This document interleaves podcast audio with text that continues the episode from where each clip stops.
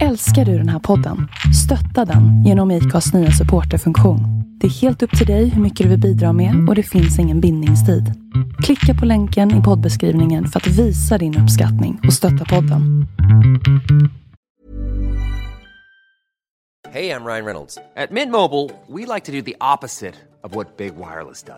De laddar dig mycket we charge you a little. So naturally, when they announced they'd be raising their prices due to inflation, we decided to deflate our prices due to not hating you.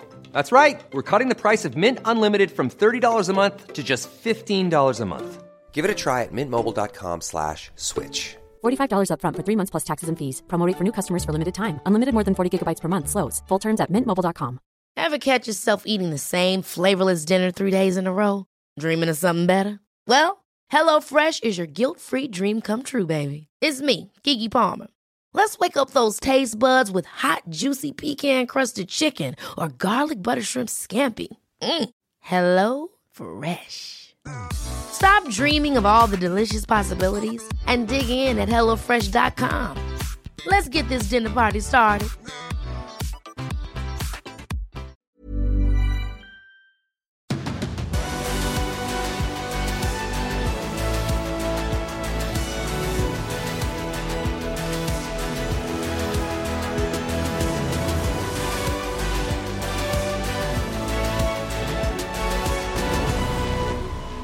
Bam, bara bam, bara bam, bam, bam. Så låter den här vignetten. Och eh, nu är det dags! MotoGP-podd igen. Och eh, den här gången den 111. Med Andreas Mårtensson och eh, med mig, Tobias Lajon. Du, eh, Andreas, vad säger du om den inledningen? Ja, det, var, det var starkt gjort. Mycket bra. vad roligt. Du är lite musiker ganska- i det va? Ja, jag är, ganska, jag är på ganska gott humör för stunden. Hur är det med dig? Ja, det är detsamma faktiskt. Jag kollade på presskonferensen här eh, efter racet precis och då blir man på glatt humör. ja, det var skojfriska herrar, förare för en gångs skull. Och det, det är uppfriskande när, när folk eh, pratar ur hjärtat på något vis. Det blir, eh, de, de blir mänskliga i det läget. Ja, ja, och det var ju faktiskt eh, känslosamt i helgen. Ja, det var det. Det var extremt känslosamt. Eh, Jack Miller där som vann racet, eh, han, eh, han var rörd och eh, jag förstår det. det. Det ligger mycket i de här segrarna som till slut då kommer. Han har ju för sig en sen innan, men, men nu då när det blev en, eh, en annan typ av vinst så märks att det, det är nästan svämmade över av känslor. Ja, i, hela depå nästan känns det som. Ja, jag... Ja, jag tyckte också det. Uppslutningen när han kom tillbaka in i depågatan där och de, många ville fram och ge en, en klapp och, och mer än så. Ja, det märks att eh, det var uppskattat, segern. Det var det verkligen. Vad, du, vad, vad bjuder dagens eh, program på? Vi har ju kommit fram till nummer 11 och eh, då är det ju eh, startnummer 11 att snacka om. Sen plus och minus efter racehelgen. Sen var det dessutom eh, testdag på måndagen på samma bana, Jerez alltså. Och eh, sedan då lite kort om kommande helg, men det får vi mest ägna nästa podd åt, eh, kommande race med Le Mans. Jag tror att vi kommer fylla vår, eh, vår timme, eller närmare timme. Jag tror det också. Vi brukar inte ha några problem med det om man säger så va? Nej, det är en kort, en kort pratstund jämfört med det vi gör under helgerna. Ja, det är det faktiskt. Det är det. Ska vi börja med eh, 111 då? Vill du börja jag med, vi, vi kan faktiskt börja med, istället för start nummer 11 så kan du få börja med 111 för jag vet att eh, din, en utav dina idoler hade 111. Eller? Ja, ja, jo, det var faktiskt så. Det var, jag tittade mycket på Superbike-VM en period när jag tyckte att eh, racingen i MotoGP inte, inte var tillräckligt jämn. Eh, det kan man ju inte säga i läget nu, men, eh, men då var det mycket Superbike-VM. Och Aaron Slight från Nya Zeeland, han körde med startnummer 111 och han var alltid lite sån underdog också. Blev aldrig världsmästare, vann en del race, men eh, lyckades aldrig fullt ut ta en, en titel. Så att eh, han körde med 111 just för att kunna plocka bort en etta eh, vartefter han närmade sig eh, ja, nummer ett helt enkelt. Blev det så då? Det blev ju inte så va? Nej, det blev inte så. Han vann race, han vann åtta timmars eh, Suzuka tre gånger, men eh, och sen ett antal eh, segrar i Superbike-VM. Men eh, han var några, några enstaka futtiga poäng ifrån eh, VM-seger eller från en eh, titel till slut. Ja, eh, mitt slight-minne det är väl egentligen, körde han inte Castrol Honda 111? Jo, exakt det gjorde han. Exakt, det, det, det är det som är mitt minne när det är 111. Det är en Castrol Honda med 111 på.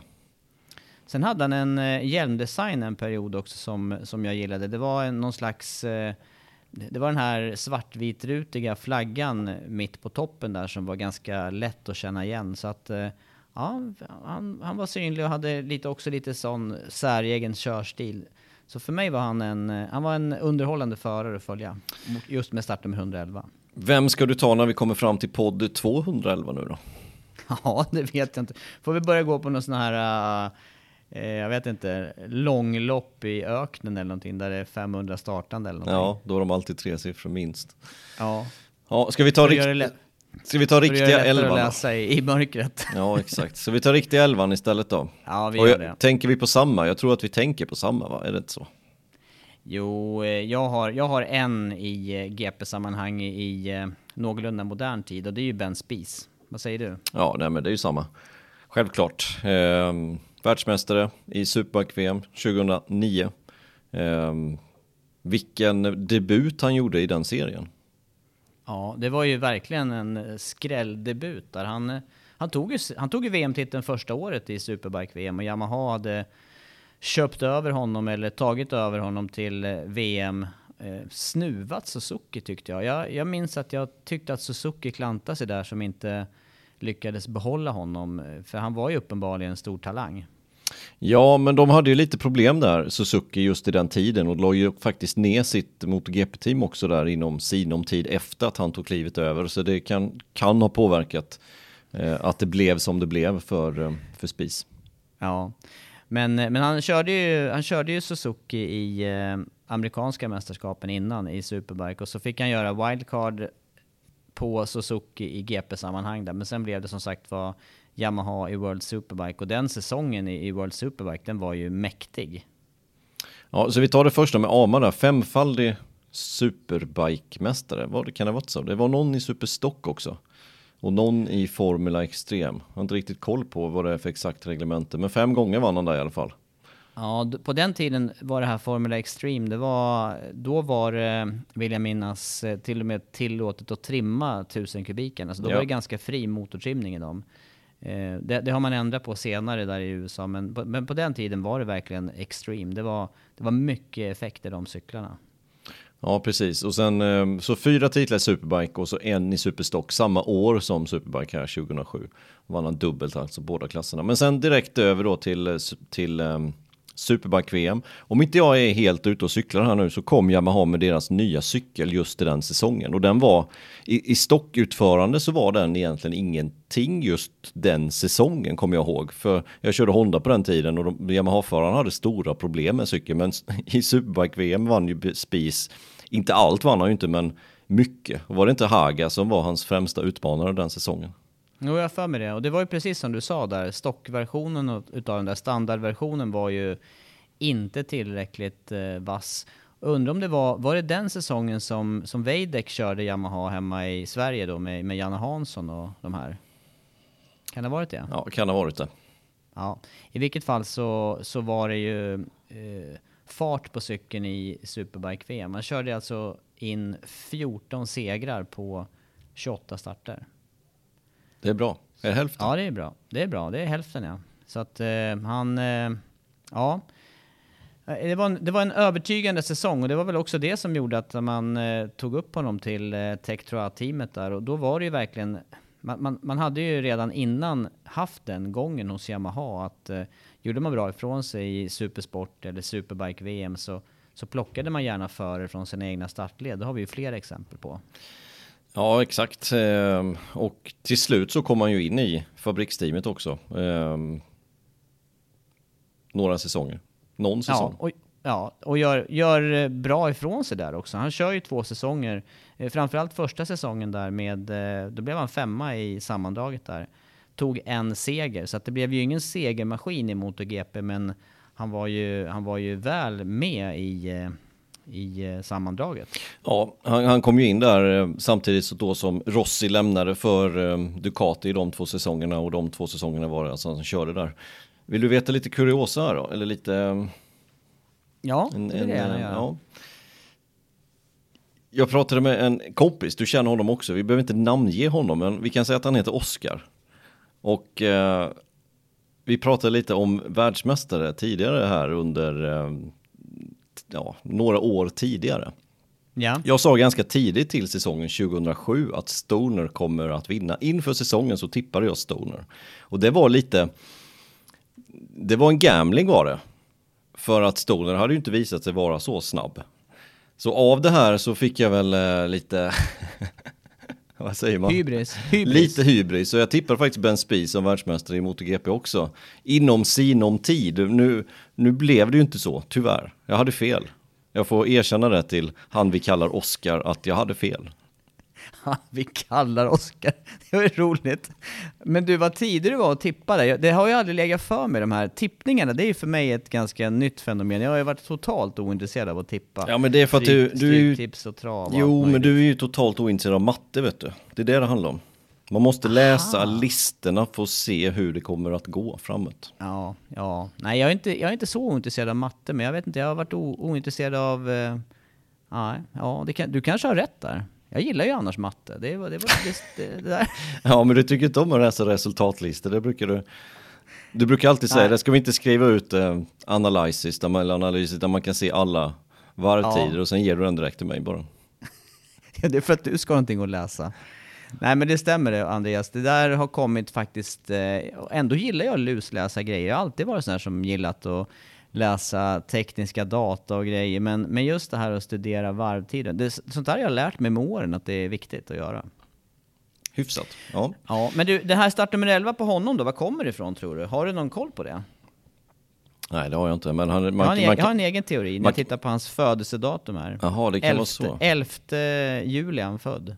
Kan ja. vara. Ja men det kan vara, det är ganska vanligt att, att förare har sitt födelsedatum som startnummer eller dagen man är född. Nej jag vet, jag vet faktiskt inte men eh, han är ju ganska van att ha nummer ett efter alla sina titlar och ett kunde han ju då inte ha när han kom in i MotoGP. Nej, Ehm, sant. Det kunde han visserligen om man, om man ser det här för Rossi han eh, ville ju inte ha nummer ett där den säsongen. Men du visste är han Men från Texas också? Det är han ju, absolut. Ja, och då, det, det är ju den här delstaten, The Lone Star State, alltså nummer ett också. Så det är ju, ja, det, det ligger inte så långt borta där och, och peta på en etta och, och ha det när man inte kan ha det riktiga nummer ett också. Nej. Det är de eh, två, två egna slutsatserna jag gör om, om hans startnummer. Ja det är bra, det är bra. Vad hade han för smeknamn då? Ehm, nu sätter du mig på pottkanten Ja, ja, ja. det är det se. som är roligt. Det brukar du göra ibland. Ja. Då passar jag på här nu. Ja just det. Nej men han var ju ganska tidig med, med armbågar. Ja, det Elbows det. möjligtvis, eller elbow eller något. Kan det, vara var så? det med körstilen, ja. Han, hade, han, han åkte brett med armarna eh, och eh, ja, det var hans smeknamn, Elbows. Mm. Japp. Slutade efter säsongen 2013 på grund av skada. I Ja, han, hade, han hade upprepade skadeproblem där, framförallt med axlar, axelaxlar och eh, han, han bedömde väl att han inte skulle komma tillbaka i, i den form och den fart han hade innan och Sen vet jag också att han kommer från en ganska välbärgad familj, så han hade ju inga försörjningsproblem heller. Det var liksom inte, han behövde inte racea för pengarna, ens från start. Så ja, det är lite, lite ovanlig karriär och, och ganska kort karriär väl på toppen om man jämför med, med några andra som är fortfarande aktiva. Ja, vem då? Jag, tänk, jag tänker på en, jag tänker på Valentino Rossi, som, näm, som du nämnde där, som gjorde ett gästspel hos Ducati just när Ben Spies åkte i Yamaha-teamet därför. Det, det känns som evigheter sedan, det är tio år sedan. Ja, det är tio år sedan. En seger, visst kom den på Assen Ja, den gjorde ju det. 2010 och det var det racet där, var det inte Simoncelli som körde på Lorenzo i strubben? Det kommer jag inte ihåg om man gjorde, men det, det, det är ju just Tror det. talande att det var assen där, för amerikanerna där, vi snackade ju om Colin Edwards tidigare, Edwards var ju nästan högst upp på pallen där, och istället vann Nicky Hayden det racet. Det verkar som att jänkarna gillar den banan. Ja, jag tror det var så. Simoncelli tog ut um, Lorenzo i, um, ja vet jag inte vilken, vilket nu, är det kurva 6 kanske den heter Ja. efter det, men strubben i Ja. alla fall, den långsamma vänster innan bakrakan. Ja, precis bakom depån där ja. En missnöjd Lorenzo, antar jag. Han var väldigt uh, missnöjd. Uh, det, Simoncelli hade vi inte märkt det där riktigt. nej, det var ingen fara. det var ingen fara för hans del. Det var väl efter de här sakerna, det var ju någon säsong senare där den här berömda presskonferensen då med Simoncelli och Lorenzo när Simoncelli frågar om han ska arrestera honom. Eller om han kommer bli arresterad. Ja, det var roligt. Roligt tonläge där på den tiden. Eh, ja, Det tyckte inte Lorenzo. nej det tyckte han inte. Han har väl aldrig varit den där riktiga skojaren va? Eller har han det? Nej det, nej, det är väl två ord som kanske inte ska ta samtidigt. det, det var något inövat skämt här och där. Men du, har du något mer nummer 11 eller är vi klara med Ben Spies? Han, åkte, han, han åker alltså, Suzuki körde han, han körde Yamaha och han körde i Pramac-teamet på Ducati. Då. Så tre fabrikat han han ändå med i, i sina GP-starter. Ja. Eh, nej men jag har en 11 till och det är rätt roligt detta för att eh, jag känner igen en 11. Jag tänkte mig en röd cykel, jag tänkte mig en 500 och då funderade jag på vad kan detta ha varit för cykel och vem kan det ha varit som förare? Och det kom jag inte på. Men sen så helt plötsligt här så fick jag ett sms av en, av en gammal kompis. Och då sa han just det här och då fick jag bilder på den här nummer 11 röda 500. Är det Oscar igen? Nej, det där... Ska det, vi kalla honom Oscar igen? nej, vi, kan, vi kan kalla den här personen Björn. Ja. Helt Eh. fiktivt. Helt fiktivt, ja. Eh, och då vet jag var jag fick det ifrån. Och då sa jag det till dig här precis innan sändning och då tänkte du faktiskt också på det här. Visst är det roligt när man får höra någonting och så tänker man på samma. Ja, exakt. Nej men eh, den där Kagivan där som du snackar om, John Kosinski, det här var ju faktiskt min era i... Eh, eh, när, så länge, det var på den tiden när, när jag åkte på många, eller många, en del race eh, på egen hand, privat. Och tittade. Och då var ju Konchinski aktiv. Eh, världsmästare i 250, gudabenådad förare, åkte Superbike-VM också. Och även den här 500 i, eh, i GP då med, eh, ja, som var egentligen en undermålig cykel. Och ändå, ändå gjorde han ju bra ifrån sig på den. Ja, han gjorde ju det. Vi har ju tittat lite statistik. Vad blev han där som bäst? Var det trea? Trea i sammandraget ja, men jag har för mig också att det här var en förare som var, alltså så mycket var man ju inte inne i eh, depå i närheten av de här förarna, men det var en förare som inte var helt lätt att samarbeta med. Det var lite Biaggi-stilen där, att det, det, det skar sig på olika håll och han var inte särskilt, eh, det var ingen superomtyckt förare i, eh, i depån och ingen riktig som publikfavorit heller vill jag minnas. Men eh, extremt eh, snabb och duktig förare måste man ju säga. Ja. Trea alltså 1994. Ja, och snygg cykel. Väldigt snygg cykel. Ja. Liknar en Honda tycker jag. Bakänden på den. Ja, stämmer.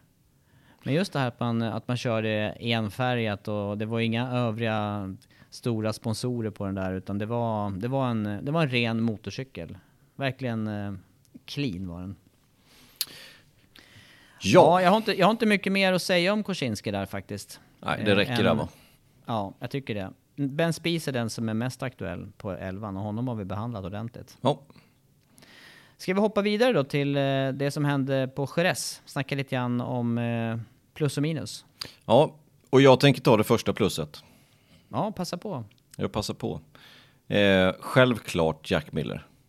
Ingen, eh, inget snack om vem man ska sätta högst upp när det gäller plussidan här. Eh, han gör ett riktigt bra kval, han gör en riktigt bra start. Han hänger med hyfsat inledningsvis när Quattararo går förbi och då sa vi till och med i sändning där att nu kommer Quattararo dra. Vilket han också gjorde. Men Miller hängde i där bakom och det syntes väl egentligen från början att han hade inte farten för att utmana Quattararo. Utan han ville mer ifrån dem bakom, vilket han också, han kom ifrån själva klungan. Eh, men sen så när det hände med Quattararo och det som hände med armpumpen där, då, ja, då var Miller där. Ja. Och till slut då så vann han alltså med 1,9 sekunder, vilket i de här sammanhangen är, är ganska stor marginal. Och, och för mig och för många ett förvånande resultat, inklusive för honom själv. För att på det här viset har han ju inte eh, vunnit race förut. Han har ju bara vunnit ett race i, MotoGP för övrigt. Och det var ju det här bland, eh, blandade racet just på Assen med upptorkande förhållanden. Och det, det, är inte riktigt att räkna på samma nivå som det här loppet. Absolut inte. Eh, absolut, verkligen inte. Utan det här, det här gjorde han grymt bra. Han körde ifrån sin teamkollega. Men Ska vi dra lite negativt då? Han, han ja, har ju fått... Ja, han, han, men han har ju fått rätt mycket, nu pratar jag fortfarande om Miller alltså, han, han har ju fått mm. rätt mycket skit senaste tiden. Eh, han har inte inlett säsongen så som han avslutade förra året. Det är kanske därför förväntningarna var ganska höga på honom. Hans teamkompis har levererat, Sarko har levererat. Han har inte riktigt eh, förmått att leverera på den nivån som, som vi trodde från början. Eh, han sa ju själv efteråt att det här var tuffa veckor han har gått igenom och, det förstår man ju speciellt efter det som hände med, med Mir där då fick han ju rätt mycket skit eh, efter den incidenten eh, ut på rakan där i Qatar. Han gjorde sin han gjorde sin armpumpsoperation direkt efter det racet. Var inte helt hundra till, till Portimao, kraschade där, kändes lite klantigt misstag som han gjorde där egentligen. Kändes det som. Eh, och sen kommer han tillbaka nu då efter att ha fått ännu mer kritik egentligen från det och levererar på den här nivån. Det är, jag tycker det är, ja jag kan inte bli gladare för någon förra tror jag än vad jag blev för Miller i söndags. Nej, och, och just den här också inledningen på helgen i Jerez. Eh, han var ju inte någonstans Eh, Eh, han var inte så synlig i resultatlistorna där under fredagen och ens under lördagsförmiddagen. Men sen gör han precis det som du säger, han gör det som krävs under kvalet. Han lyckas komma ut bakom eh, Banjaya som på något vis drar honom till bra varv. Det är klart man måste sätta varvet själv, men, men han, var, han var ändå hjälpt av att åka bakom Banjaya. Och sen som du säger också dra nytta utav eh, Quartararos fart när han drar Eh, och, och, på det viset öppnar upp en lucka som, som ingen kan ta igen sen i slutet på racet. Nej, exakt. Eh, han sa ju det när han gick förbi då. Han gick förbi Quattararo, såg sin tavla och det stod 0,6. Han trodde inte det var sant riktigt. Och det, jag förstår den känslan när man helt plötsligt så, så närmar man sig den föraren som är på väg att bara segla iväg med 5-10 sekunder kanske till slut. Man närmar sig föraren, man går om den föraren som man ser håller inte tempot och så ser man 0,6. Det är ju, den känslan är ju så extremt härlig så det är ju helt sjukt, jag kan tänka mig det. Ja, och det kom ju väldigt förvånande också just med tanke på att det blev armpump där, visade sig för, för Quattararo. Men det här är också första segern för Ducati på den här banan sen så långt tillbaka som 2006. Så att eh, man förstår ju också glädjen eh, hos hela teamet att, att det sker på en bana där man inte har varit särskilt framgångsrik på heller. Och så dubbelseger, det är ju, nej det är vilken, vilken drömdag för, för Ducati faktiskt. Eh, har det vänt nu då för Mille tror du? Eh, det här brukar ju vi nämna just eh, första segern och det här blir ju på något vis första riktiga segern att det lätt kan vara den, då kan, då kan den här känslan infinna sig som gör att det kommer flera segrar. Och mycket möjligt att det, att det här var så pass viktigt så att det ger ringar på vattnet här vidare under eh, kommande racehelger och kanske hela säsongen nu. Och ihop med att man både vinner racet för, för Millers del och att eh, Ducaten då bevisligen funkar på en bana som normalt sett inte gynnar Ducatin. Mm. Ja, jag hoppas ja. också att, eh, att eh, detta blir vändningen för Miller. Men sen är ju, det, det går ju inte att, eh, att inte nämna Banjaya i detta också. För att han, han kvalade bättre än, eh, eller han kvalade positionen sämre än vad Miller gjorde. Han drog Miller till varvet. Inledningsvis gjorde han inte lika bra start som Miller. Han låg efter, han låg till och med efter Alicia Sparger och ett tag. Han fick arbeta sig uppåt hela tiden. Och till slut då när han väl kom förbi Morbidelli fick en lucka till honom. Drog upp tempot mot Miller och Miller vinner då inom situationstecken med bara 1,9 sekunder.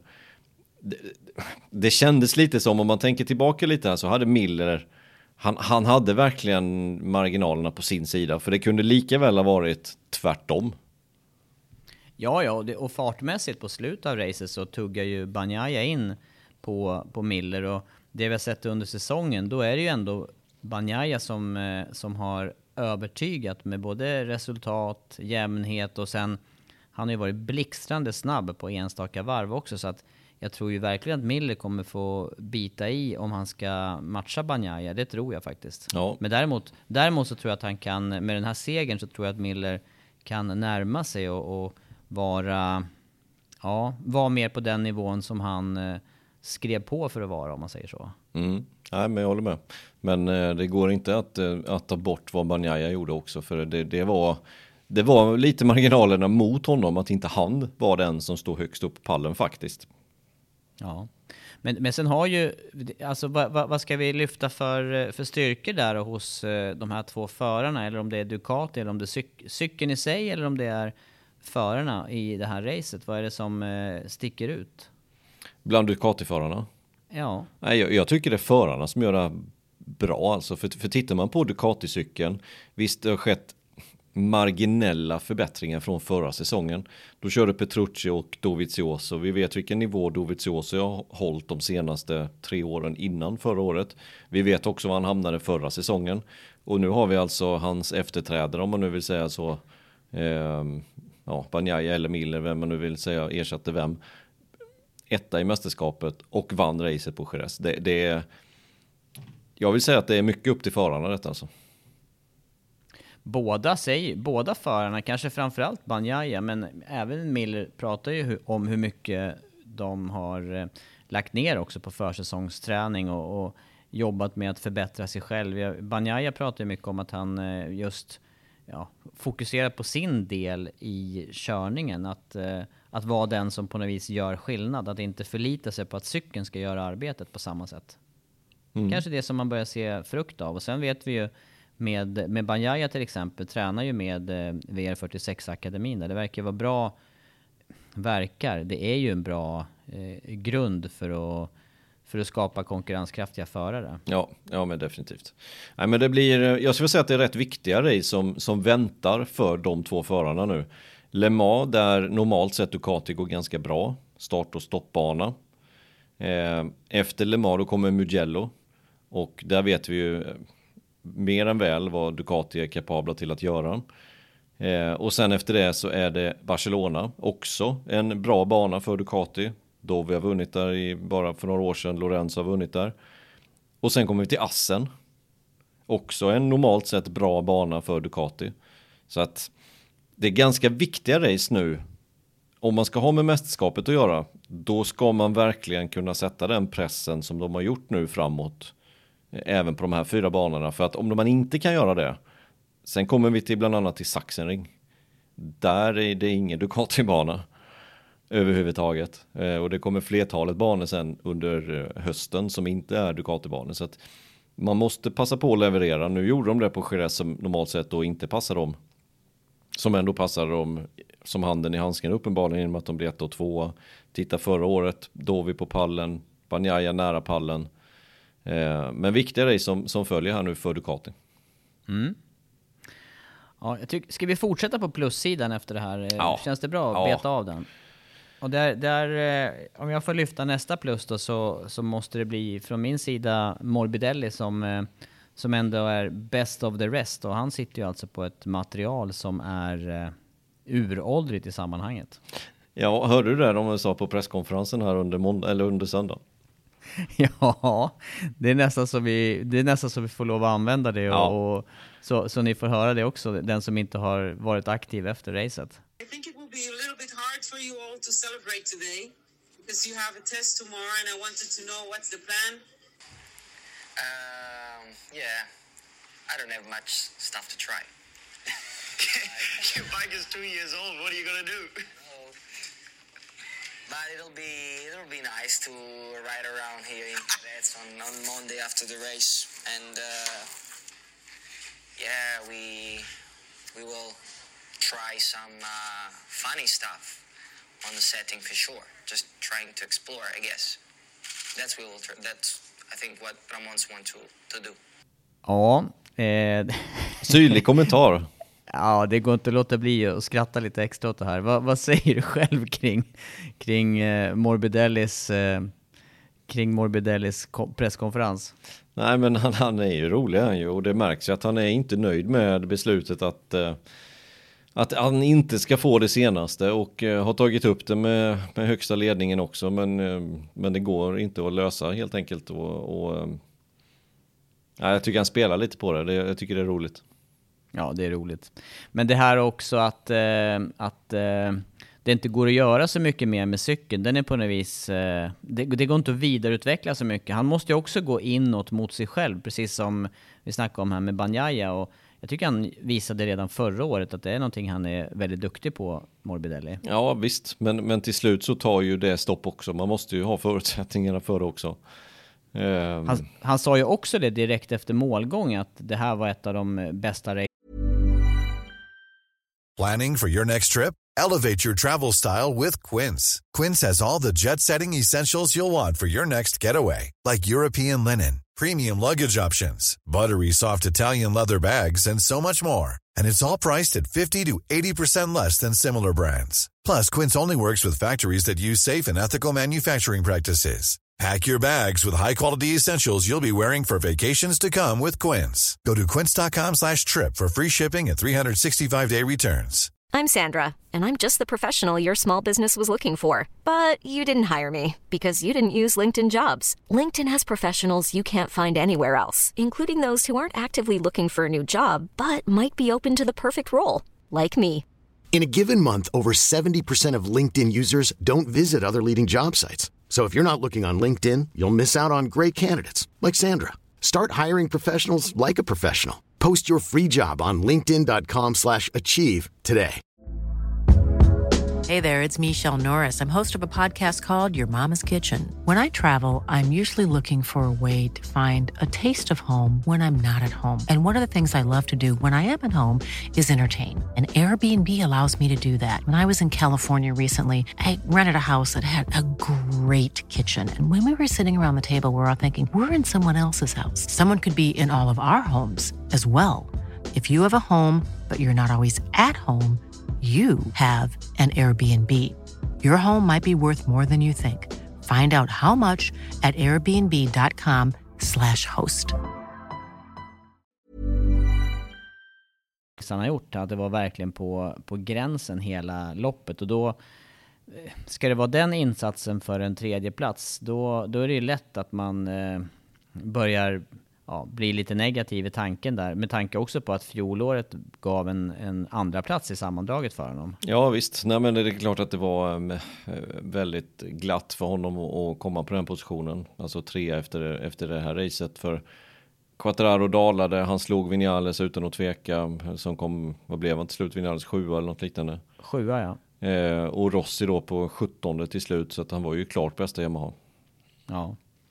Är det starkt gjort av Morbidelli. Kommer han få fabriksmaterial? och Kommer han åka vidare med Yamaha? Vad tror du? Ja, det är, det är ju frågan det. Alltså, det senaste jag läste om honom var att han var lovad fabriksmaterial till nästkommande säsong. Men det, det stod inte varför. Vilket maskinmaterial eller vilket fabriksmaterial.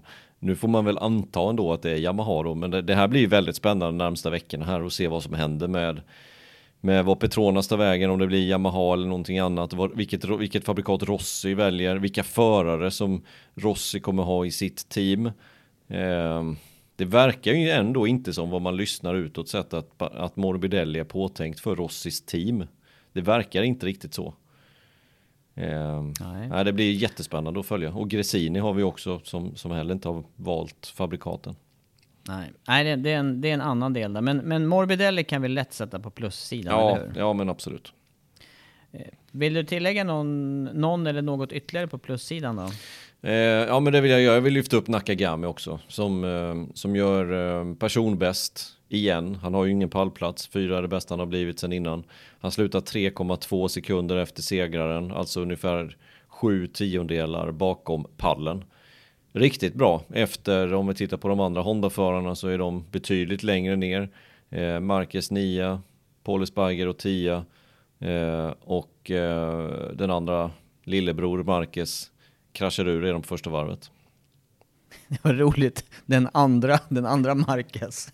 Ja, och så Stefan Bradel också slutat tolva däremellan. Vi hade ju också ett testförare på plats. Till och med det. De var, ju, de var ju långt bakom som du säger och distanserade med de här mått mätt. Eh, som du säger, Nakagami dryga tre efter segern. Sen nästa Honda är Mark Marquez då som är eh, över 10 sekunder efter. Så att det, det, är klart att han gör ett bra arbete här. Hoppas att, kan, eh, att det kan bli lite proppen nu för Nakagami också då. Det, ja men de verkar ju... ha problem Honda alltså. För jag, jag lyssnade på vad Paul Sparger sa efter racet och han han, eh, jag vet inte riktigt hur man ska sammanfatta det, men han, han tyckte det var en konstig strategi. Alla, alla Honda-förarna kör med olika saker egentligen, så ingenting går att jämföra.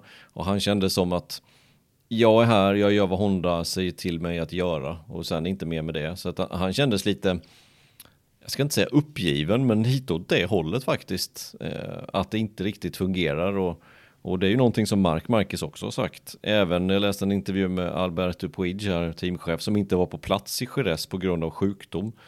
Ehm, även han sa att de är lite i problem här nu.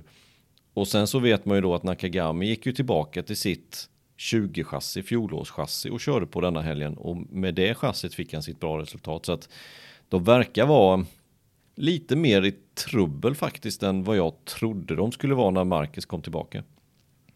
Men det här med eh, den här bristen på eh, enighet eller samstämmighet på cyklarna, det, är, det har ju också hängt ihop lite med att man har lagt mycket krut på just Mark Marquez som har varit betydligt snabbare än de andra. Då har man ju inte riktigt följt med där. Men, men det här också, eh, Paul Espargaros reaktion kan ju också vara en eh, eh med, med KTM i färsk åtanke där, hur, hur de har jobbat fram sina cyklar här under några år, där han också har varit ledande i utvecklingen och där vi vet att de har bara spottat ur sig grejer, men jag, jag tror, som, som du säger, eller som du är inne på, att eh, där kanske man har haft en mera eh, enig eller enad front och testat liknande ja, grejer.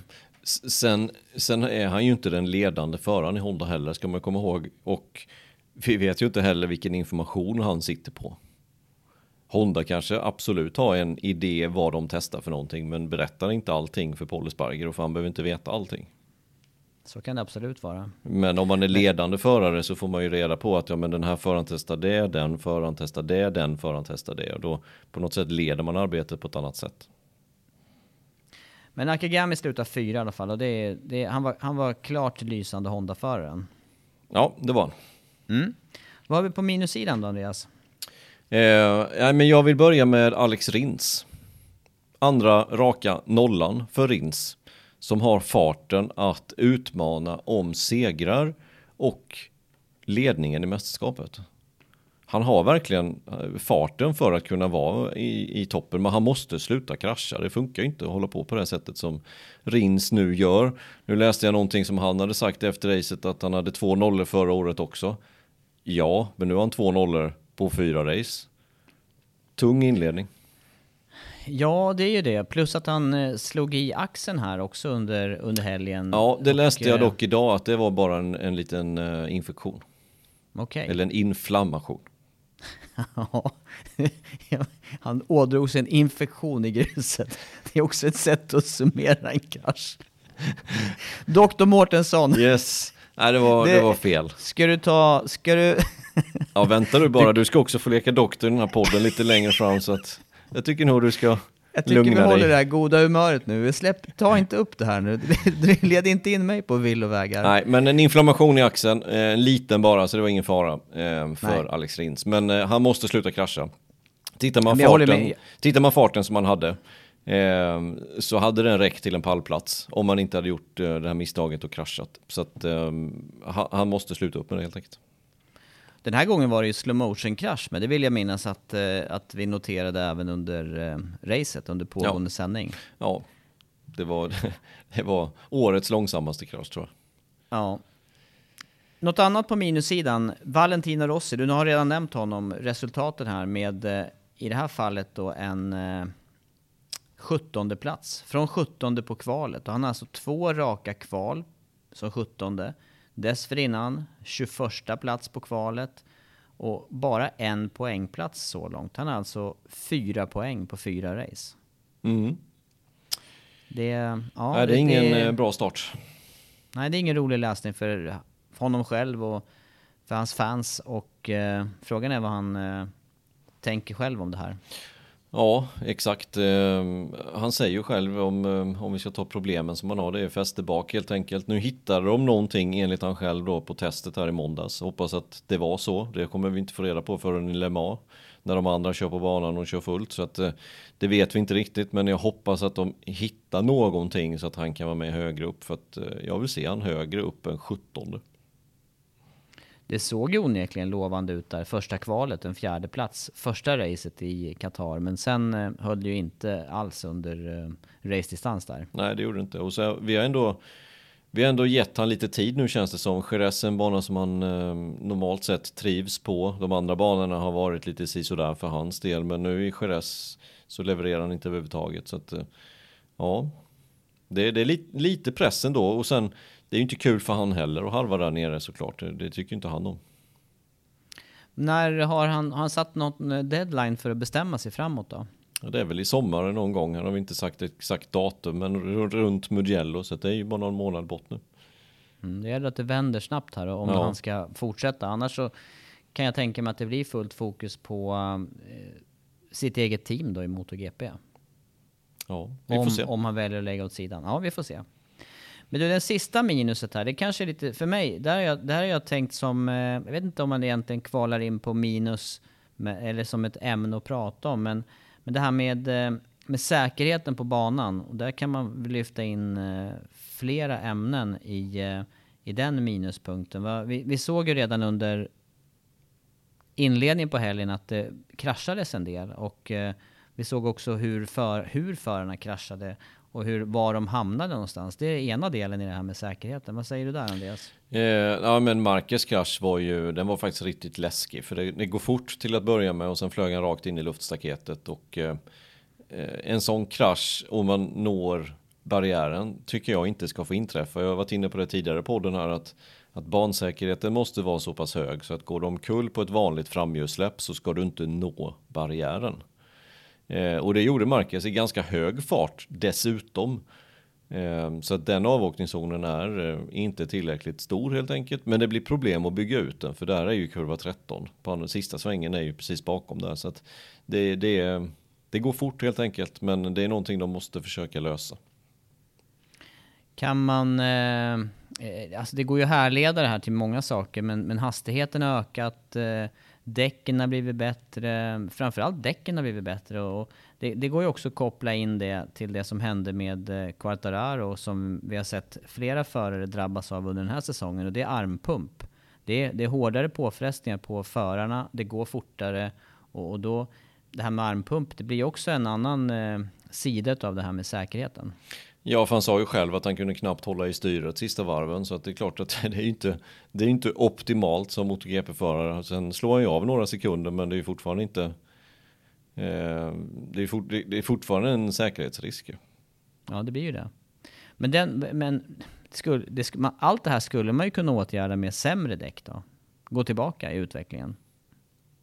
Släppa hårdare däck? Ja, nej, det är jag ingen förespråkare på kanske. Men... Nej, det är inte jag heller. Egentligen är inte jag heller det. Utan eh, nej, det är väl bättre att försöka komma vidare. Men, men det här problemet då som, eh, som bevisligen många förare drabbas av någon gång under karriären, det här med armpump. Är det, är det någonting som du har eh, känt av någon gång när du var aktiv? Nej, det, det är det faktiskt inte riktigt. Det är klart man har känt av armarna. För underarmarna eller armarna överlag är ju en av de sakerna som man blir mest trött i som motorcykelförare. Och speciellt då med i, i MotoGP-klassen med kolfiberbromsar. Du kan bromsa så extremt sent och hårt. Eh, så det blir helt annan påfrestning. Nu har jag aldrig kört med kolfiberbromsar så det är svårt att, att jämföra. Men jag, jag känner igen symptomen och jag har många kompisar även på min nivå som har opererats för armpump då som man kallar det här. Eh, så att jag känner väl igen känner väl, väl igen fenomenet men inte själv riktigt drabbas av det. Nej, jag har inte heller drabbats av det där, men det är därför jag tycker att det är rätt spännande att kolla på de här bromsteknikerna. För jag själv använde till exempel alla, så länge jag hade fyra fungerande fingrar på högerhanden så, så använde jag alla fingrar till bromsning. Och, och särskilt då i, eh, i långlopp där så kändes det som att det gjorde att det blev någon jämnare belastning på armarna där. Men jag har inte heller fått de här riktiga armpumpskänningarna annat än om jag försöker mig på att åka motocross. Eh, då, är det, då är det inte många varv innan det är svårt att hålla i styret. Det är väl bristande teknik antar jag. Men, men där, där kan jag få någon sån eh, känsla av eller förståelse för hur det skulle kunna kännas då. För det går ju till slut inte att fortsätta. Man, man kan ju inte hålla i, eller man, jag kan ju inte hålla i styret längre då. Nej, och det här är ju en väldigt vanlig skada. Jag bara googlade på, på det här fenomenet bara och MotoGP-förare och det, det är ju i stort sett i stort sett alla MotoGP-förare som någon gång har drabbats av det här och att det har krävt en operation. Eh, det som var intressant dock, det var när jag lyssnade på den här presskonferensen i söndags efter racet. Banjaya sa där att ingen i akademin, alltså VR46 akademin, har opererats för det. Inte Rossi och inte de andra heller. Eh, och det är lite intressant för det här fenomenet med så kallad armpump, det är ingenting som blir bättre eller sämre av att träna. Det är så jag har förstått det. Men ingen där är drabbad och då är ju frågan, är det slumpen eller beror det på någonting annat? Beror det på att de kör hoj hela tiden? Eller någonting mer? Jag vet inte. Nej, jag, jag är inne på den där, eh, det du säger där, att de kör så pass mycket motorcykel. För att det, det minns jag i alla fall. Jag har ju haft problem av andra anledningar att träna på vettigt sätt, men just perioder med, med mycket motorcykelåkning då, eftersom jag åkte några säsonger i endurance, eh, när, när det var som mest motorcykelåkning, då var det också då man åkte som lättast och var som minst påverkad. Och det, det är väldigt svårt att hitta övningar på gym eller med, med annat som, eh, som precis ger den typen av belastning. Eh, men sen för egen del så minns jag också att, eh, vad heter det, eller jag vet inte om det här är långt draget, men jag gick ju, jag gick ju en massa år på kryckor när jag var liten. Eller egentligen, ja, jag gick väl fem år nonstop på kryckor. Det är hyfsad träning, tänker jag, både för händer och handleder och underarmar och axlar och, och den delen som, som jag... För jag, jag har aldrig varit särskilt eh, eh ansträngd i, i eh, den delen av kroppen när jag har kört motorcykel. Så antagligen det här liksom återkommande. Du, du kanske har kört för sakta. jag märker, jag svarar inte på det där. Nej, nej. nej, visst kan det vara så. Det är, det är självklart, kan det vara så. Men, eh, men eh, det fanns nog de som körde långsammare som drabbades av armpump också. Ska du, ska du berätta lite vad armpump är då? Hur, hur ska du, Dr. Lion, hur ska du förklara detta? Jag tror att det är en infektion, tror du inte det? Som drabbas... Nej, jag tror det är en inflammation. ja, i sandfållan. Nej, men jag tror att det är... Jag tror att man kan uttrycka det så här att, att eh, det, det blir inte tillräckligt med plats i underarmarna för, för musklerna att svälla och, och då för blodet att passera igenom i den hastighet som du behöver för att, för att syresätta muskeln. Och, och då måste man lyfta då på, på eh, huden eller det som omger musklerna, de här hinnorna som omger musklerna. Det måste liksom skäras upp och, och ges plats åt muskeln att, att svälla. Och, och, några, eller jag hörde också Marini där som, eh, Luca Marini, alltså Rossis lillebror, han, han pratar ju också om det här med eh, det man har på sig, skinnstället, att det måste finnas plats i skinnstället också för armarna att, att växa. Och gör de, eh, har man för tight på runt eh, underarmarna där så har jag ju också minne av att det, att det lätt liksom kan skena känslan av att man inte ja, att det inte får plats helt enkelt och att det blir stopp i blodflödet. Då får man ju till slut ingen kraft i händerna. Nej, eh, enklast egentligen här är att, det är att googla. Det finns det jättebra googla. på nätet om just det här syndromet. Ja, men eh, det, det är ofta förekommande och mer förekommande ju bättre motorcyklarna blir och framförallt bromsningarna som du säger Andreas. Ja, eh, men det var det han drabbades av och kunde inte hålla farten, Quattararo. Eh, har ju haft en operation på det här, det gjorde han ju för nästan exakt två år sedan i sin första MotoGP-säsong. Eh, det var därför inte jag riktigt kopplade att det kunde vara det, i och med att jag vet att han har haft den här operationen riktigt. Eh, till slut så, du var ju inne på det, jag var väl också inne på att det är något fysiskt helt enkelt. Han såg ju helt slut ut efter racet, men det var ju lite svårt att, att tyda. Men vi hörde ju inget problem med cykeln. Jag såg inga problem med däcken. Så det var egentligen bara det att välja på till slut. Eh, att det är någonting med det att göra. Och har ju redan opererats. Eh, opererats under gårdagen, vi spelade in det här onsdag kväll, alltså och under tisdagen opererades han. Förväntas vara tillbaka till Le Mans då, som är nästa racehelg. Eh, och Mille gjorde ju precis likadan operation här efter Doha-racet och var ju tillbaka till Portimao. Men det är klart att han kommer inte vara 100% fysisk eh, form här, Quattararo till nästa race. Nej. Lite fördel dock bromsningarna där på Le Mans som är mer upprätt. Man, Ja. kan, man kan hjälpa till med fler delar av kroppen och inte hänga lika mycket åt sidan då som, som till exempel Portimao där Miller gjorde sin comeback efter eh, operationen. Just det. Men, eh, nej, men tufft läge då för Quattararo som, som hade ju chansen att eh, verkligen få ett försprång i mästerskapet. Och sen eh, så blir det inte så på grund av den här grejen. Och han hade ju inte känt någonting under hela racehelgen utan det var bara på racet. Och det är, ja, det är, jag ska inte säga otur men det, vad, är det, vad är det man säger? Otur är när blixten slår ner i tanken två gånger. Otur drabbar den som inte är tillräckligt förberedd. Men, men jag tyckte att allting pekade i Quartararos riktning Ja, det gjorde fram ju det. till, Det gjorde fram det. till det här. Och så föll han alltså till trettonde plats och till slut nästan 20 sekunder efter. Så att hade racet fått pågå ett par varv till där, då hade han hamnat utanför poängplats.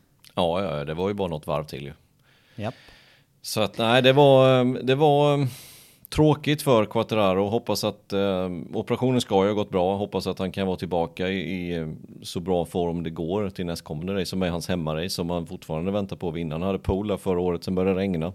Att eh, ja, Han kanske hoppas på regn nu då när han, har, ny- när han är nyopererad så att det inte blir lika fysiskt. ja. Det tror, jag, det tror jag inte dock. Nej, jag tror inte heller Han är inte så vass på regn. Nej. Ja men vi lämnar det ämnet för, för nu då. Vad säger du? Ja, just armpumpsoperationen. Så vi tar lite om Marcus också då. Ja, berätta vad du tänker. Jag tänker, eh, han kraschade hårt där under FP3. Han eh, togs till Medical Center. Vi såg att han reste sig, gick därifrån. Eh, han, eh, vi såg han på skoten också innan sändningen avbröts där. Eh, på väg till Medical Center med doktorn bak på. Han undergick den där eh, undersökningen. Vilket inte var, det var ingen fara med Marcus fysiskt. Armen var absolut inga problem. Han kom tillbaka till sitt motorhome, kände sig lite yr, visste inte riktigt eh, vad som hade hänt. Tror han ut, Nej, uttryckte det nej, som. Nej, så var det. Ja. Ringde direkt till doktorn igen. De valde att ta honom då till ett eh, sjukhus i Jerez där han eh, helt enkelt, de gjorde någon, någon skanning av eh, huvud, nacke. Eh, kom fram till att det är inget fel på honom och han kände sig betydligt bättre där och åkte tillbaka, körde fri träning 4 och kvalade. Då har ju diskussionen uppstått här om, om hjärnskakningar. Det är någonting vi också varit inne på senaste åren för att jag tycker heller inte hjärnskakningar tas på det allvar som det borde göra. Och om man tittar på andra sporter så tas det betydligt mer allvar än vad det gör i MotoGP. Ja, du kollar ju en del på hockey och där, eh, där får man ju inte spela om man har, eh, i alla fall inte om man haft upprepade hjärnskakningar. Då har man ju väldigt noggranna eh, kontroller och speluppehåll vet jag. Du får inte ens spela med en hjärnskakning utan då ska du gå den här hjärntrappan som de följer helt enkelt. Och i, i NHL är det ju så att man tas av isen helt enkelt om det är misstänkt och så får man undergå en, eller undergå, man får, man får gå en undersökning. Genom, genomgå. Ja. Undergo treatment som man säger på eng- engelska. Det är därför jag hade det Det på. funkar. Det, är mång- ja, det blir många sådana. Man- Ju, fler, ju mer engelska sidor man läser så tappar man bort eh, ursprungsspråket till slut. Declared fit. Jag säger, hur säger du det på svenska? Förklarad... Eh, För du, du kan inte Frisk. säga att den är förklarad okej, för du, han, han är ju inte oftast en, en förare som har kraschat behöver ju inte vara okej bara för man är declared fit. nej. Nej, den är svår. Ja, jag säger det. Den, den, gör ingen, den gör ingen simultantolkning på den. Nej. Eh, nej men huvudskador, hjärnskakningar. Eh, sen säger inte jag att, eh, jag hör andra journalister som tycker att det här var ett ett solklart fall av hjärnskakning det som Marcus beskrev och eh, ja, det, det, kan det ju vara. Nu är det ju svårt att gå in i Marcus huvud och, eh, och veta vad han tänker och hur han kände i det läget Eh, och vad han säger och vad som är sant. Det är väldigt svårt att veta. Jag kan bara förklara själv och berätta vad jag har upplevt och det är ungefär de sakerna han säger också och då har inte jag haft någon hjärnskakning utan efter, efter att ha kommit tillbaka från den tiden när han har varit borta han fick en rejäl resa i samfållan och, och tumlade och rätt in i luftstaketet. Det är klart att man blir påverkad, han har ont. Eh, men det betyder kanske inte att man ändå har den här huvudskadan utan bara att man är i, inte chocktillstånd men något liknande då.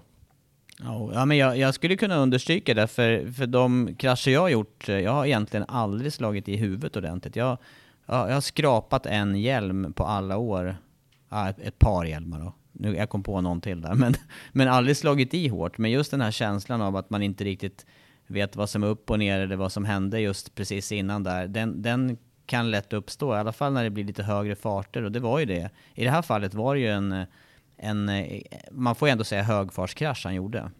Ja, det gick ju någonstans runt 160-170 km timmen så det är klart att det, att det får ses som det. Så att, ja, men jag, jag skriver inte under på det riktigt, eh, för det är svårt att veta. Det vet bara Marcus och hans eh, närmsta krets egentligen.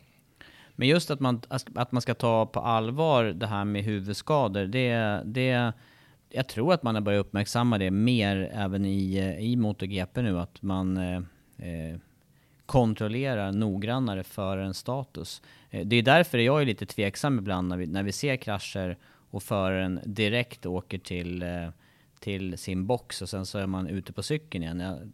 Man, man, kanske ska gå mot det hållet att ja, det här passet är färdigkört, ja, vi gör en, en koll, vi låter allting lugna sig, för du har ju samtidigt den här adrenalinpåslaget och eh, tillståndet av, jag menar hur mycket du än kraschar så, ja, helt van blir man ju aldrig. Nej. Att eh, det, det, ibland är det lite snabbt upp i sadeln igen. Mm. Ja, det, det beror väl kanske lite på vad det är för typ av krasch. Tycker jag. Jo, men det är, ibland är det också svårt att avgöra det i första skedet, utan det kanske behövs en, eh, det kanske behövs en eh, samling och, ja, jag vet inte, jag, jag, det här är inte färdigt tänkt, men, men just när det blir åt huvudet så, så är det ju, då är det ju särskilt viktigt. Men ja. vad kom man fram till där med, med för Marcus del då? Det, det var ingen hjärnskakning eller? Nej, det, det, antar jag, för hade de sagt det nu efteråt att det var en hjärnskakning så vore det ju väldigt korkat att låta han köra. Men, så att det, det lär de väl aldrig släppa på i så fall om det var det. Men det, jag tror inte att det var det, för att han hade inte tagit de där chansningarna själv då efter allt som hänt eh, under året som gått. Däremot Jake Dixon, han var ju faktiskt, han stod ju över motor 2-racet för en krasch där, där han slog i huvudet på grund av hjärnskakning. Men vi lär ju få anledning att återkomma till det här säkerhetssnacket och mycket ligger också på den här säkerhetskommissionen då som har möten under racehelgerna och det blir ju både förarna där som, som eh, måste säga sitt och det är ju framförallt de aktiva nu som ska göra sin röst hörd under de här mötena, tycker jag i alla fall. Ja, men det, är, men det är så dags när man sitter på banan. Ja det är ju det. det är, man har ju som förare har man ju rätt mycket att tänka på på en racehelg. Så jag vet inte de där mötena. Det är, det är, klart att det är bra att de pratar ihop sig. Men det är ett stort ansvar tycker jag på Uncini och Capirossi i det här läget. Ja, och då, då egentligen tycker jag inför säsong. I, i, medan när man homologiserar eller när man på något vis eh, godkänner banorna och eventen för säsongen. Då ska ju sånt här redan vara klart innan. Mille var ju också lite frågande till de här, han tyckte det var ganska stora stenar i samfållena. Jag ehm, vet inte om det är hans känsla bara eller om det verkligen är så, för det är ju ett visst material som ska vara godkänt att använda helt enkelt. Så att det vore märkligt om det inte var ett material som var godkänt, men ja, vi får väl, vi får väl ändå gå på vad Mille sa där. Men det är också en avvägning det där med, med hur, eh, eh jag vet att det, att det finns eh, storlekar och annat, men det har ju eh, också varit tider där sandfållorna har varit för eh, att det har liksom tagit stopp för mycket och gjort vridskador. Och jag tänker på Rainys olycka till exempel också där han, där han fick sin nackskada, ryggskada. Ja, inte lätt. Så är det, nej, det är inte lätt att hitta den optimala eh, avvägningen där. Sen har vi lekakulorna också på Anderstorp. De är kanske du bekant med? Kan vara. De tar ner farten ordentligt. Ja, det gör de. Det gör de. Jag, jag har varit med När de inte och, är packade. precis. Jag har varit med där, där man har bara parkerat en cykel stående. Ja, där. ja det är Och ganska lämnat vanligt ju.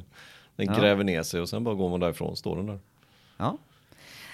Ja, men ska vi släppa de här plus och minussidan nu? Ja, Vi måste hinna prata någonting om, eh, om testerna. Även om tester är svåra att analysera så, så tycker jag vi ska nämna någonting om vad testerna har innehållit här. Och då är det ju lämpligt att nämna någonting om eh, de stora fabrikaten här med eh, till exempel Suzuki som har testat eh, en utveckling på motorn och eh, också jobbar lite grann med balansen då i cykeln. Eh, framdelen kontra bakdelen där och de eh, jobbade mycket med, med däck som har gått många varv också. och motorn är ju nästa års motor i och med att årets är ju redan plomberad och ja, homologiserad. Där har de ju bra testförare med Sylvain Guintoli som, eh, som har en stor del i arbetet hur cykeln funkar idag. Men, eh, men det är klart att det är ännu bättre att lägga till eh, synpunkter från de nu aktiva förarna såklart. Eh, Honda sen då, med eh, lite aerodynamik, olika kåputföranden och eh, dessutom eh, lite elektronik och man eh, testade även olika typer av luftintag, kanske kopplat till eh, en utveckling då en kommande motor till nästa säsong. Blandad, eh, blandad kompott där på testerna och det kanske är också sånt som Paul Espargaro reagerar på i slutändan där, att det är mycket som ska fram och köras igenom. Ja, det, det kan det absolut vara. Eh, två förare som inte körde alls mycket. Den ena körde ingenting. Det var ju Quattararo. Han hoppade över hela testdagen. Marquez körde bara sju varv till slut. Eh, kände också av eh, sina skador ifrån helgen. Ont och stel i nacken. Så att, eh, sju varv blev det bara helt enkelt. Mm. Men från, eh, från Yamahas sida där eh, så körde ju Vinales mest av alla. Eh, Och, eh, och Rossi gjorde också framsteg som du var inne på tidigare där. Och mycket det man tittade på där från Yamahas sida var gällande bromsningar och försöka att förbättra, eh, förbättra förmågan att få stopp på cykeln helt enkelt. Och det var ju någonting som Vinales klagade på under helgen. Eh, där det inte fungerade. Det var just eh, bromsningarna. Eh, och la inte han över 100 varv tror jag faktiskt. På, på. Och så slutade han också i, i topp. Han körde extremt många varv som du säger där. Det är, det är en mäktig testdag efter en racer. Ja, verkligen. Och köra 100 varv. Ja, Ja. ja. Eh, KTM då, de har ju haft problem med, med däcken här och konstruktionen på däck. Eh, snacka framdäcken framförallt och asymmetriska däck. Känslan från ett håll till ett annat. Och de vill köra hårda däck men har på testerna nu då försökt att gå åt ett eh, mjukare håll för att se om de kan få det att funka. ja, det är någonting som de behöver få att funka. Så vi får tillbaka KTM i eh, toppen av listan. Ja, det är fyra cyklar där med, med liknande specifikationer på i alla fall. då. Men eh, de har inte, de har inte lyckats lika väl som under eh, slutet av, eller som egentligen stora delar av fjolårssäsongen. Man får nog, man får nog eh, det verkar som att man får knyta mycket till däcken åtminstone. Ja, ja. Sen då med Aprilia där, där blev det inte heller så mycket kört, i alla fall inte utav Aleix Esparger och han ska ju, eh, han, han- börjar också känna av det här med armpump och kommer att göra en operation efter Le Mans vad jag vet. Exakt, han valde att vänta till efter eh, Frankrike. Så gör sin Ja. operation. Men där kan man väl säga i stort om, om cykeln att den har tagit ett stort steg uppåt och framåt den här säsongen. Ja men den har absolut. Sex alltså nu i, i söndags, bara 5,2 sekunder bakom. Det är ju imponerande faktiskt vilket steg. Men sen väntar man ju ändå på det där sista lilla för han, han är ju med något högre under träningarna hela tiden och sen när det väl kommer till kval och till race, men då är det där femma till åtta. Ja. Men väldigt jämna resultat måste man säga. Ja, verkligen. Och, det, och, och ska man glida in på liksom en, någon slags summering av det här mästerskapet i nuläget så börjar det ju ta vägen åt det som vi såg under fjolåret. Det här med att det är jämnhet som premieras så att man kan se till att hålla sig där uppe kring pallen i alla race. Då, då kommer man kan, det ser ut som att man kan komma långt även i år med det. Ja, som sagt, eh, Quattararo hade chansen att eh, gå ifrån ordentligt, men eh, lyckades inte. Och nu är det precis som du säger. Han hade ju gjort det, med en seger hade det ju sett, eh, då hade det varit en, en, en överlägsen ledning. Men, men just nu då så är det ju bara två poäng där mellan Banjaya och Quartararo. Och sen är det ytterligare 14 ner till Vinales och Mir bara en poäng bakom, Sarko ytterligare en poäng bakom. Så topp fem då ändå hyfsat väl samlat får vi säga efter, eh, efter fyra race. Mm. Spännande. Det är spännande. Och eh, det är märkligt här. Jag tänkte, känslan efter racet i Jerez, det var ju att ah, det här var lite utdraget. Det var inte de här riktiga man mot man fighterna men, men tidmässigt här så är det ju det är inte stora differenser. Eh, kanske har vi blivit lite bortskämda den senaste tiden med de här extremt jämna racen. Topp 10 inom 11,7 sekunder. Topp 15 det... inom 20. Man får ändå säga att det är väldigt jämnt. Ja, det måste man säga. Det måste man ju. Spänningen var i alla fall att se hur eh, Miller skulle hålla undan i slutet på racet och eh, även var jag väldigt spänd över hur långt Quartararo skulle falla. Då. Han hade lite tur som räddade ett par VM-poäng till slut. Mm. Jag trodde inte han skulle göra det med några varv kvar där, men han bet i alltså sista varven och lyckades ändå ta de här tre poängen som kan bli värdefulla. Vi vet inte. Men i mål kom han. Opererad är han. Mm. Bra för hemmaracer som ligger två veckor bort och vi kommer hinna med en podd till innan dess, eller hur? Absolut, då måste vi snacka upp Le Har du någonting som eh, trycker dig nu som du skulle vilja få ut nu när du har chansen här och prata ja, fritt? Det har jag. Jag har eh, lite citat och lite från intervjuer. Återigen, jag kommer tillbaka till den här presskonferensen som det var bra stämning på efter racet. Så jag ska, jag ska lämna er med vad Miller, några citat från Miller helt enkelt.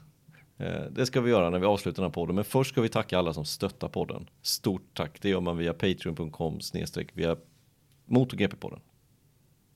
MotoGP-podden. Vad roligt! Bra Andreas, det där, det där ser jag fram emot också där och eh, lyssna på Miller efter, eh, efter söndagen. Eh, jag tror att du som hör det här också kommer att dra lite på mungiporna. Ja, vi tackar för idag då, så är det bara några dagar bort innan det är eh, ny racehelg. Ja. Hej och tack. I am going to drink about 30 beers and hopefully wake up with not a hangover so I can ride tomorrow. I'm not going to watch YouTube. yeah, it's test. That's all right. Good. Nine before nine, you can wake up fine.